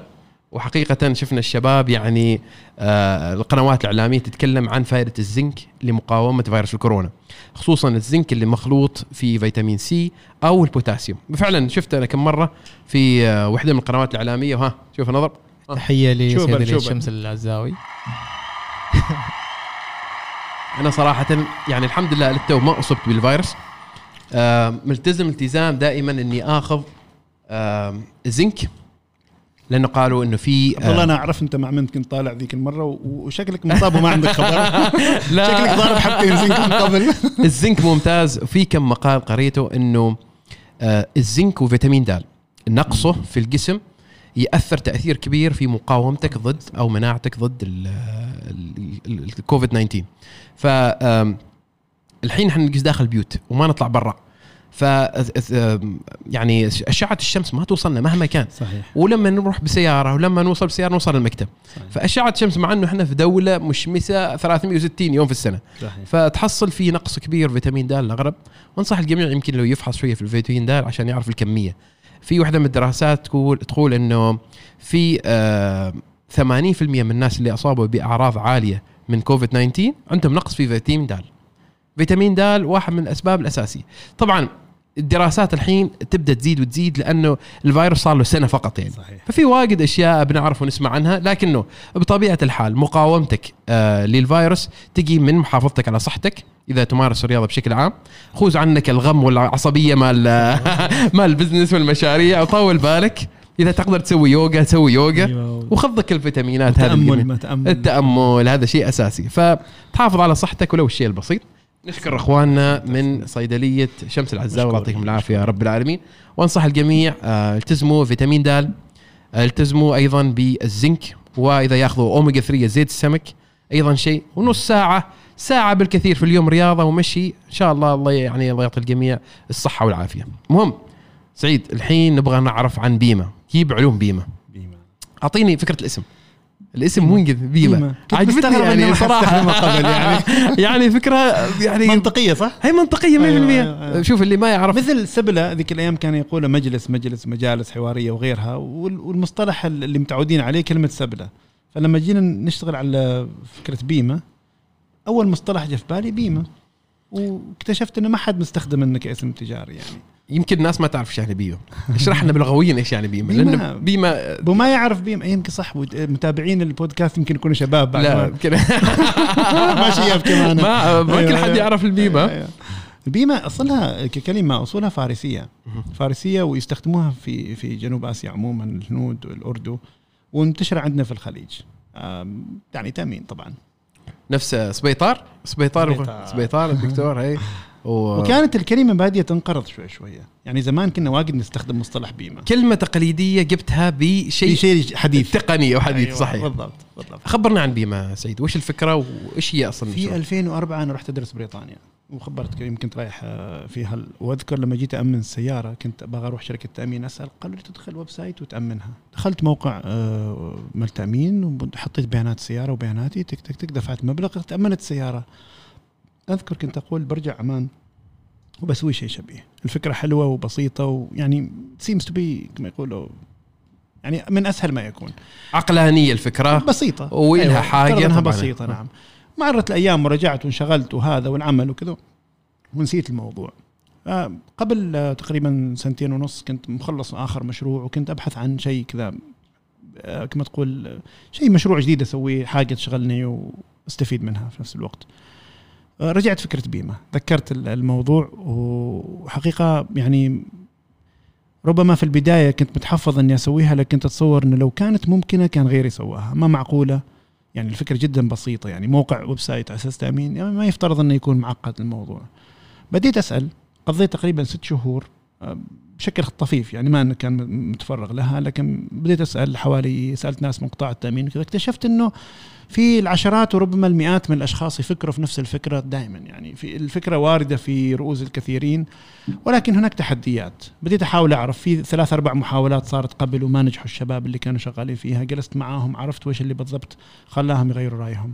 بشكل عام اكتشفت انه معظم الناس كانوا ينظروا لها باعتبارها إنها مجرد website فحط كمين ألف ريال جيب مبرمج وخلص الموضوع. بينما الموضوع هو أكبر. أنت تتكلم عن إنشاء شركة وساطة تامين وساطه التأمين مجرد ال license أو الترخيص بحد ذاته يكلفك 100 ألف ريال 75 ألف ريال آه، أو ضمان بنكي و25 ألف ريال مصاريف تأسيسية ملزمة. من البداية لازم توريهم قبل لا تروح تسلم على حد لازم تحط 100 ألف في البنك. يعني هذا المبالغ آه. ما تقدر تتصرف فيهن خلاص. ما تصرف يعني يعني- ال 25 هي مصاريف تقدر تتصرف فيها 75 fixed إلى اليوم أنا ما مسهن خلاص. يعني لك يجلسن في البنك لكن عاد ال- من ال من من الذكاء انك انت مثلا على سبيل المثال أنا مو سويت أنا أخذت ال 75 حطيتهم في وديعة ثابتة. مردود الوديعة الثابتة كان كان على الأقل يعني ال 75 ما جالسات في البنك بدون فائده ففيه دخل يجي منهن اللي هو بنك إسلامي طبعا وفي وديعة وفيها مقابل يعني. فالموضوع مكلف حقيقة. يعني ما بس مجرد موقع إنترنت وتحتاج موظفين لأنه المعاملة ما بتتم بشكل كامل اونلاين لما تستلم الطلب بعدين لتخليص الإجراءات معظم شركات التامين ما عندها واجهات إلكترونية اللي يسموها API ما تقدر تشبك معها بشكل مباشر website to website لازم إنه في تدخل بشري لازم إنه حد يقوم بإصدار الوثيقة PDF وبعدين يرسلها للعميل. فمعناته أحت- احتاج طاقم موظفين أحتاج مكان أحتاج ترخيص. فحطيت ميزانية حدود 200 ألف ريال للمشروع. وتقريبا الميزانية تجاوزتها بشيء بسيط لكن يعني ما كان بعيد كثير عن عن المبلغ المتفق أو المتوقع. بديت المشروع في البداية وأكبر إحباط واجهته يمكن كان من شركات التأمين نفسها. معظم شركات التأمين اللي رحت عندها كانت ما مقتنعة بالفكرة ويقولوا لي ما راح تنجح ما حتى ما عندهم الرغبة حتى إنهم يدخلوا معي. ثلاث شركات تقريبا هم اللي بدأوا معي بشكل قوي. ويعني كانوا مقتنعين بالفكرة ومتحمسين. يمكن لأن الرؤساء التنفيذيين كانوا لهم رغبة في التقنية. بالنسبة لي شخصيا كان طريق أو تذكرتي للرجوع لعالم ال IT. آه يعني بعد ما خلصت من سندان والنصر العقاري بالضبط اشتغلت تطوير عقاري نعم. وكذا بس في دائما حنين للجانب التقني ذكر أيام السبلة وغيرها. الواحد يحب يرجع ل يعني أنا بذلت معظم معظم حياتي العملية في مجال ال IT. فكان رجوعي لتقديم المعلومات عن طريق هذا التطبيق. والحمد لله قدمنا الترخيص وحصلناه ونشكر الهيئة حقيقة كانوا جدا جدا متعاونين. هي سوق المال. هيئة سوق المال. هي العمل سوق المال ما قصروا حقيقة. من أول ما رحت لهم قالوا لي بما معناه أن إحنا كنا نتمنى إنه حد يجي ويعمل مشروع كما هذا وبندعمك بكل قوة. وما قصروا حقيقة. وشرطة عمان السلطانية أيضا آه، من خلال الربط الإلكتروني وكذا آه، يعني المشروع ما كان ممكن يكون لولا هالجهتين. آه، شركات التأمين كانت في البداية مثل ما خبرتك متحفظة نسبيا على الموضوع. ثلاث شركات هم اللي كانوا مشجعين. اليوم نحن عندنا 13 شركة. عمر المشروع صار له سنة فقط. تخيل في سنة واحدة الحمد ما لله شاء الله. ما شاء الله. آه، يعني الأرقام ما انها سر. يعني ال- المبيعات الشهرية الحين تتجاوز 100 ألف ريال شهريا. آه، ونتوقع إن شاء الله على نهاية السنة يكون على الأقل ضعفين. يعني ال- المشاريع تقنيه المعلومات عادة نتوقع إنه 3 4 folds يعني ثلاث أربع أضعاف كل سنة. وانت ماشي ولا ما يعتبر نموك كافي. آه، أيضا من التحديات إن إذا أنت كنت تشتغل في في ريادة الأعمال قبل بالطريقة التقليدية اللي هي الشركات عادة لما تجيك شركة وتريد تقيمها على أساس تقيمها عدد المتابعين أو اللي ينزلوا التطبيق أو لا أنا أتكلم عن الشركات العادية. خلينا نقول عندك مقاولات ولا عندك آه، 360 ولا القبيل. مبيعاتها مثلا. مبيعاتها مردودها دخلها كم ربحها الشهري. آه، إذا كان عندها product معين ما موجود في السوق تعطيه قيمة معينة. لكن ما تروح تستثمر مبالغ كبيرة في شركة ما تحقق ربح. هذا المبدأ يختلف تماما عند شركات تقنية المعلومات. ال IT startups ما حد يريد. بالعكس لو جيت تقول حد أنا أحقق أرباح يمكن النظرة تكون شوية مس- مستهجنة. الأصل هو الانتشار والتوسع. كل مستثمر في قطاع تقنيه المعلومات في startup سواء كان من بداية ال angel investors إلى ما تمشي لحد ما. آه، مثل صناديق مثل OTF وكم صندوق موجودين في عمان. كلهم نظرتهم لك إنه نريدك تتوسع بأكبر قدر. المجموع الكلي لعدد المستخدمين أهم من أي شيء ثاني. ليش؟ لأنه كل سنة متوقع منك إنك تعمل fundraising من أول وجديد وتبيع 10% من الشركة وأنت ماشي. ففي في مثل ما تقول في نمط معين هم شغالين عليه. كان في صعوبة بالنسبة لي أستوعب الفكرة إني أنا أدخل مشروع وأنا عارف إني بخسر فيه. ما يعني ما متعودين على هذه الفكرة، تشوف. الفلوس تروح منك وتحس فيها صعوبة. لكن حقيقة بدون هذا التوجه أو بدون هذا ال- ال approach ال- ال- ال- مثل ما تقول بدون هذه الطريقة من العمل ما راح تقدر تتوسع بشكل كبير. لو في البداية قلت لا أنا ما بستثمر إني أجيب ناس وما بستثمر إني أوظف ناس وما بستثمر إني أسوي إعلانات إلا بعد ما أضمن إني أحقق ربح معين. ما بتتوسع بشكل كبير. حط أنت سعيد حتى outlet ما عندك. ابدا اكشوال. فيزيكال اوتلت أنت ما عندك معرض المكتب مكان ما حد إيه. يعرفه وين المكتب ما حد يعرفه وين. يعني الفكرة كلها إن آه، كل شيء نسويه بال- بال- الكترونيا حتى في مرحلة معينة كنت أقولهم اللي يتصل لأن في مو في ناس يتصلوا بني يقول لا أنا أريد ورق لازم أنا ما أمن أريد أستلم البوليصة في يدي. كنت أحاول إني أتهرب منهم من باب إنه ما نريد نسوي زحمة في المكتب هي الفكرة كلها إن إحنا نشتغل online. وال broker العاديين موجودين وما أعتقد إنه بنوصل يوم من الأيام 100% من المواطنين يريدوا يسوي كل شيء أونلاين. لا زال في ناس يحبوا إنهم يخلصوا المعامله وجها لوجه ويستلموا الأوراق في يدهم ويحس باطمئنان أكثر لما يخلص المعاملة وهو بنفسه رايح. مثل الش- آه، التسوق إلى اليوم الناس تروح تتسوق من ال hypermarkets مع إنه في تطبيقات كثيرة توفر عليك المشوار وأنت جالس بيتك تقدر تطلب كل شيء. بعض الناس بالنسبة لهم الخروج وإنهاء المعاملة هذه نوع من التسلية. فلا بد إنه يعني ما تتوقع إنك بتحوز السوق كله. لكن في أيضا ناس كثيرين يريدوا يوفروا الوقت وبالنسبة لهم إذا إذا في طريقة أقدر أخلص فيها المهام خاصة المهام الغير ممتعة. شراء التأمين عمره ماشي ممتع. ما حد يوم من الأيام يكون متحمس يقول يا سلام اليوم أنا بأمن سيارتي. ما حد يتأمن بحتحمس الطريقة. هذا التزام أنت. تدفع مبلغ ملزوم فيه وتريد تخلصه بأسرع وأقل تكلفة ممكنة. فلذلك فكرة بيما نجحت لأنه نحن نخلص الناس من هم معين. كل بداية سنة تقص تفكر خاصة اللي عنده كم سيارة يقص لا هذه السيارة انتهت ما انتهت لازم أجددها وهذا. نسهل العملية بقدر الإمكان. فالحمد لله من بدينا. آه، أول ما بدأت كان في من شركائك سعيد في المشروع؟ واحد من الأخوة الأعزاء شخص عماني يعني مستثمر أيضا. في بداية المشروع جاني وقال أريد أدخل معك شريك وأخذ حصة كانت حصة أقلية لكن دخل شريك معي. وبعد ما بدينا بكم شهر دخلوا معنا صندوق العماني للتكنولوجيا وحقيقة دخولهم كان دعم أيضا ممتاز لأنه ضخوا مبلغ جيد في الشركة وأعطونا النفس إن إحنا نقدر نستثمر المبالغ هذه في التوسع وفي هل الانتشار. اعطت لك مصداقية كتطبيق لما تدخل مع جهه حكومية؟ لأنه الأغلب التوجه دائما يكون كنت أتصور. كذاك حقيقة وكان جزء رئيسي من من من من رغبتي في الدخول مع الصندوق هو إنه يكون مثل ما تقول أنا يعني أحط اللوجو مالهم وأفتخر إني أنا جزء من الصندوق ومع كل افتخاري حقيقة إنه أنا أعرف إنه وجود حاجة مثل الصندوق يعطيك مباشرة مصداقيه لأنهم ما يدخلوا في مشروع إلا بعد ما يتحريوا عنه. بالفعل. لكن بالنسبة للمبيعات وبالنسبة للعمل اكتشفت إنه ما يفرق كثير. معظم ال- ال- ال- المشترين آه، يريدوا مكان سهل ويريدوا يطمنوا بالثقة. اللي درسنا اللي درسنا أرجعك شوي خطوة. لما تدخل معاك صناديق من هذه اللي هي موثقة ومعروفة وغيره لما تيجي تبيع أسهم في شركة نفس هذه. أي لما أيوة، تبيع اسهم أيوة، شركة صح. أيوة، أنا أنا أنا من بعد دخول الصندوق. ما ما ما دخلت مع حد ثاني. ما يعني آخر استثمار كان استثمار الصندوق وما بعنا أي حصة من الشركة وما في نية لبيع على الأقل ما في الفترة الحالية. آه لا زلنا عندنا القدرة ال- المالية نتوسع وإحنا بادين نشتغل الحين على بلد آخر الحين نتوسع برا عمان في في. في إن شاء الله بنفتح ما أقول قريب يعني خلال السنة القادمة إن شاء الله بيكون موقع بيمه شغال في بلد آخر أيضا. الاستثمار اللي حصلناه من الصندوق كان دعم جدا ممتاز من ناحية مالية ودعم أيضا ممتاز إن عندهم هم خطط لتطوير الشباب.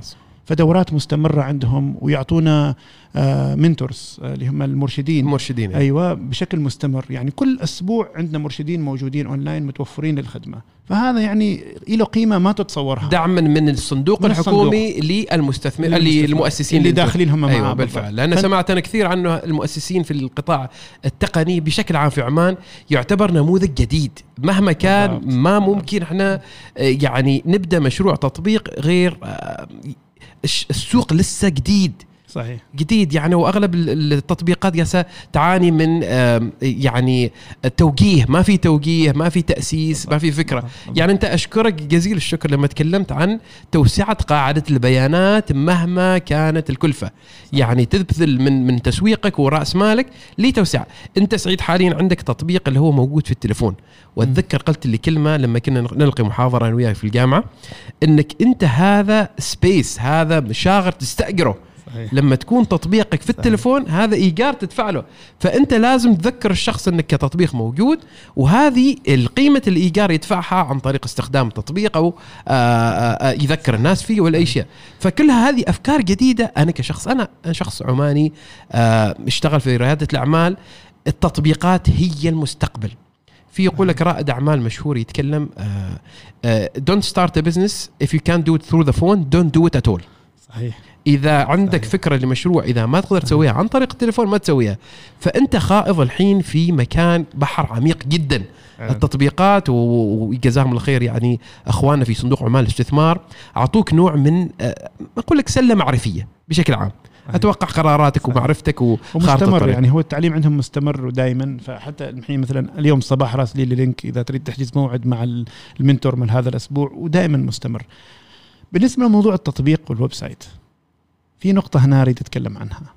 في مرحلة معينة لما بدأ ال Apple ال Apple st- ال Apple لو اسمه store Apple Store Play Store آه كان الناس عندهم حماس هائل لتنزيل التطبيقات. تلقى الواحد في تلفونه 10 20 صفحة متروسة تطبيقات. مع مرور الأيام بدأ الناس يفلتروا ويشيلوا التطبيقات. ومثل ما قلت وجودك في سطح مكتب تلفون هذا هذا بالنسبة لصاحب التلفون قرار لازم يتخذه أنا عندي زحمة ولازم اتخلص من التطبيقات الزايدة اللي ما أحتاج لها. فلما بدينا بيما كان السؤال هو هل نشتغل على التطبيق أكثر ولا على ال website؟ وين وين المفروض يكون ال main channel القناة الرئيسية للبيع؟ التأمين يتم مرة في السنة. لو حطيت تطبيق بيمه في تلفونك بعد ست شهور غالبا بتقول "إح، زحمة جالس تنظف التلفون بتحذفه. لما يجي وقت تجديد السيارة يمكن ما بتتذكره. فقررنا ان نبدأ في ال website. المبيعات تكون تركيزنا الرئيسي في ال website. وقررنا ال website يكون responsive يسميه responsive design اللي هو سهل الاستخدام من قبل الهاتف. يعني ما ما ما, ما متعب. ما مثل لما تستخدم تفتح website ما مصمم الهواتف عاد يكون متعب شوية. آه والشيء الثاني كمية البيانات المطلوبة حاولنا تكون بقدر الإمكان بسيطة والاسم يكون جدا سهل. فجات اسم بيمة اسم خفيف سهل ما تنساه. تروح جوجل تكتب بيمة يطلع لك على طول. فأي واحد يفكر يأمن سيارته وجا في باله موضوع بيمة يكتب بيمة ويطلع وبسرعة يأمن. ما يحتاج يعمل download وينتظر تطبيق يركب وبعدين يسوي registration و user name و password وكذا. كلها تخطيناها. حاولنا بقدر الإمكان التجربة تكون جدا بسيطة. الحين التطبيق بي بي بندشنه قريب بس تطبيق بيكون لخدمتك. هنا الحين الفرق. لما يكون عندك تطبيق يفيدك طول السنة. تطبيق بيمه بيساعدك إن إذا سيارتك صار لها حادث لا قدر الله تقدر تطلب breakdown تقدر آه تعمل claim أو مطالبة الحادث وغيرها من من الأشياء المفيدة أو نسخة من الوثيقة أو البطاقة البرتقالية مالك اللي هي حال السفر كلها تكون موجودة في التطبيق. كذا الحين صار عندك سبب مقنع إنك تحتفظ بالتطبيق في سطح المكتب عندك. ولهذا إن شاء الله لما بينزل التطبيق عندنا عشرات الآلاف اللي مشترين تأمين من بيمه سابقا كلهم بيكون بالنسبة لهم في حافز إن التطبيق يبقى على طول في سطح المكتب. والله سعيد أنا جربت التطبيق آه، جربت ال- الموقع. الخدمة آه، مال البيمه وجزاك الله خير ما قصرت أمنت آه، سيارة آه، رياضية وصراحة الخدمة كانت جدا فعالة وسريعة لكن النقطة الملاحظة إنه why it's not fully automated أنا أتذكر كنت أتكلم عن. الموضوع نعم. لكنه زين إنه المستمعين أيضا يعرفوا ذا الشيء fully automated يعني آه، أنت تتكلم أكيد 2004 في بريطانيا كان الوضع اوتوماتيك بالكامل صحيح ما في آه، تعامل إنساني في الموضوع. صحيح. واللي هو أفضل لك أتوقع بدل صحيح. توظيف وغيره. صحيح. فانا لما أمنت السيارة وجزاك الله خير ضبطني سعر. في الشباب اللي يبغى سعيد آه، الراشدي يضبط الشباب اسعارها باقي تعطيه برقم تليفوني. بيما dot com. اطلبوا سعيد الراشدي فعندي يعني كانت سيارة رياضية استثنائية وكانت في صعوبات في التأمين تعرف كم هذه السيارات؟ والسعر اللي أعطيتني جدا جذاب. آه، لكن وصلت لمرحلة إنه احتجت إني أتعامل مع موظف. موظف مبيعات. نعم. إيش الخطوة اللي تمنعك إنه يكون fully automated عندنا الحين شركتين من شركات التأمين اللي الربط فيها إلكتروني بالكامل. بالكامل. لكن لا زال عندنا بعض التحديات فيما يتعلق بالتوثق من الوثائق نفسها. آه، يعني مثلا أنت لما تأمن سيارة تحتاج إنك ترفق الملكية والليسن وغيرها تقنية التعرف على المستندات لا زالت ما دقيقة بما فيه الكفاية وخصوصا الناس واجدين لما يرسلوا الوثيقة ما تكون واضحة كثير. فلا بد من تدخل بشري في مرحلة معينة. فاختصرنا الوقت المعامله الحين. بدل ما لما توصل المعامله يروح موظف يدخل الكمبيوتر شركة تأمين ويصدر الوثيقة ويرسل لك إياها. الحين المعامله كلها تجي أمام. أمام الموظف عندنا هناك آه، اللي يخلص المعاملة. يظهر له البطاقات وتظهر له المعاملة كلها في الشاشة. كل وظيفته الحين فقط إنه يتحرى من صحة البيانات الملكية الاسم المالك وكذا يتأكد إنه كل شيء صحيح ويعمل approve بضغطة زر تصدر الملكية. هلا شركتين. آه، تصدر آسف الوثيقة التأمين. هلا شركتين اللي, وصلنا فيهم. وننتظر باقي الشركات إنهم يعملوا حاجة تسمى ال API اللي هي إنك تعطيه صلاحية إن كمبيوتر يكلم كمبيوتر بدون ما يدخل بشر. ما زلنا ما زالت شركات التأمين بعضها شوية متأخرة في هالمجال عندك projection معاذ ما دام السالفة كذا طيب دله القهوة جيب لنا إياها ونشرب أنا وسعيد تسلم. لأن إحنا ما شاء الله كملنا للتو ساعة وربع. وبعدني سالفة أخيرة قبل لا نخلص البودكاست زين، زين. فجيب ذيك دلة القهوة وخلينا نشرب أنا وسعيد قهوه عمانية إنزين فعجبتني السالفة وعاد تسمح لنا سيم راحتك. أنا يعني مشاريعك ما شاء الله. هذا ابى 75% منه يقص لا لا. بيمل الناس ما والله ساعة وشيء أنا أنا مستمتع يا فيك، وأتوقع أيضا معاذ. وصراحة المعلومات اللي تعطيني إياها جدا من غنية طيبك. فالحين توي ضبطنا معاذ بدلة قهوة عمانية واللي ترى الأغلب الناس مستمعين ترى سعيد أغلبهم مستمعين. فما مشاهدين فكوب القهوة كنت تتلذذ فيه بالطريقة المناسبة.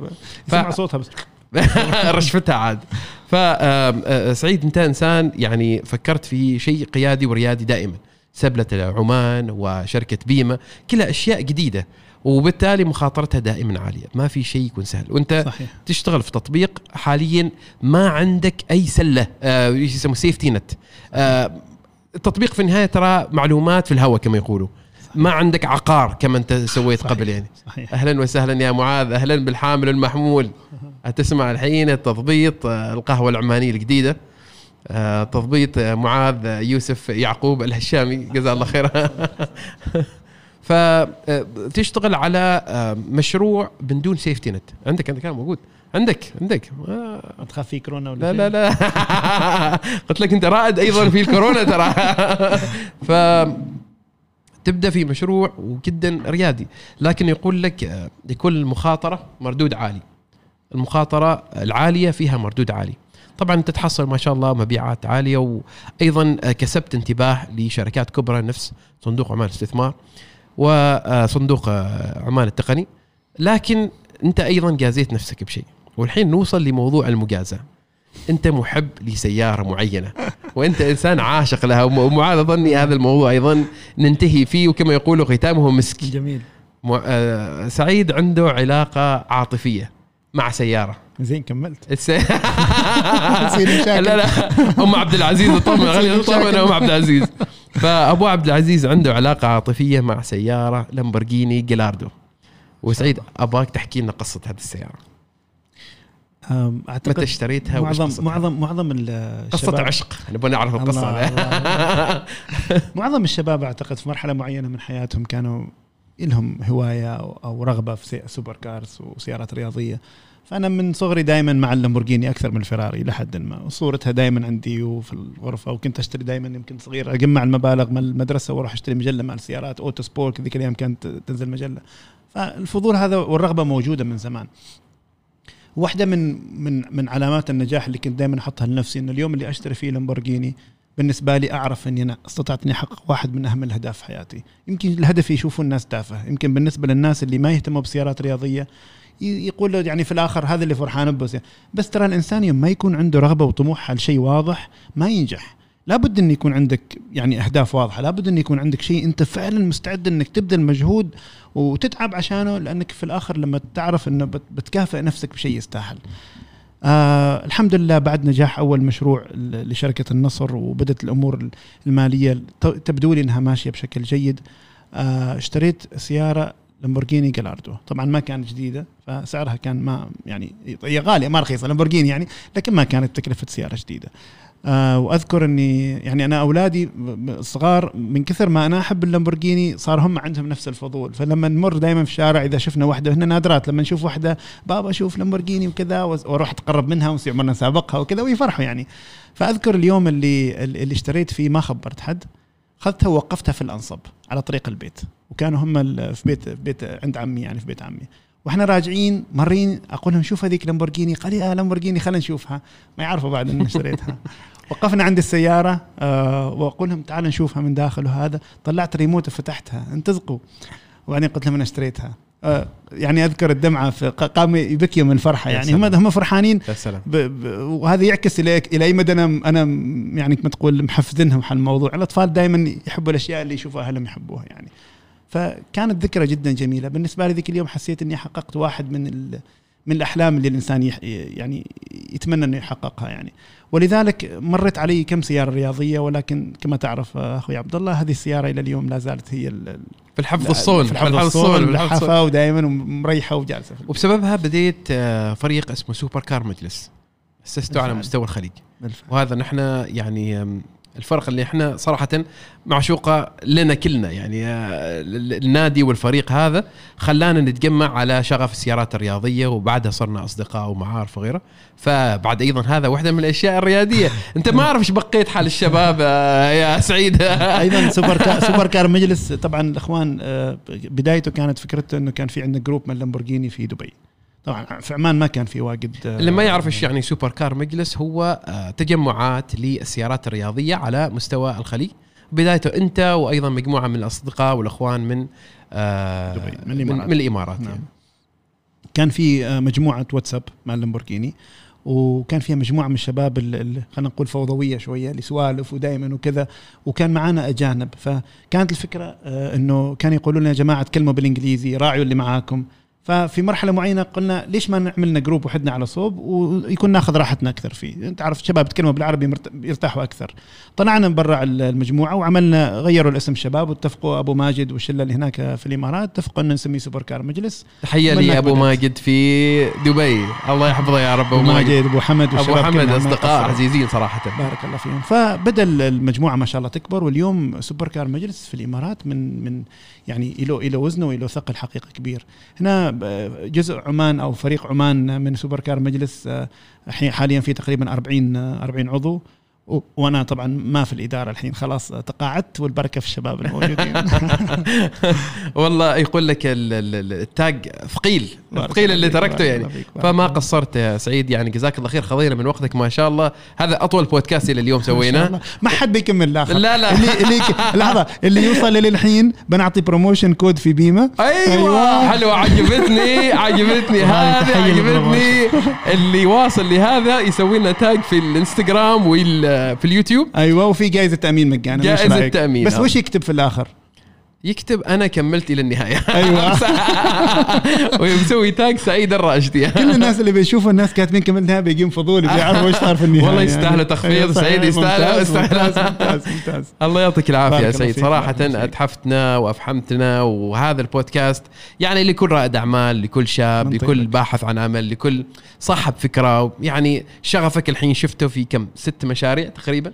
بارك كلها. بشغف يعني صراحة يعني. عمي أنا أشوف انه هذه الحلقة ممكن تكون نقلة نوعية لأي رائد أعمال من بعد ما من بعد ما يستمع لهذه التجارب و- وهذه القصص ما يفقد الأمل وما يحس إنه الوضع صعب صحيح لما واحد يبيع بيته وبيت أبوه عشان يبدأ مشروع بالله عليكم في طموح في شغف أحسن من كذا صحيح حقيقي يعني لك كل التحية أبو عبد. العزيز. آه، يعني غير سوبر كار مجلس وغير أشياء كنت أبغى أتكلم عن مواضيع أخرى بس الله يعطيك العافية على الله بالك. وعلى الوقت سعيد الجميل. جدا بحضوري معاك وقهوة مع عبد الله إن شاء الله بيكون أشهر بودكاست في عمان. إحنا بعد نحاول نقرب في الريادة كما كنت يعني. نبدا في أنت بودكاست. رائد اعمال كبير ما, تحاول تخلي الناس تحسب إن هذا شغلك يعني. الله يعطيك العافية أبو عبد العزيز. كان معكم عبد الله الهنائي ومعاذ الهشامي ومع ضيفنا العزيز سعيد الراشدي. شكرا جزيلا. شكراً. شكرا شكراً. شكرا. جزيلاً. أهلا وسهلا شكرا.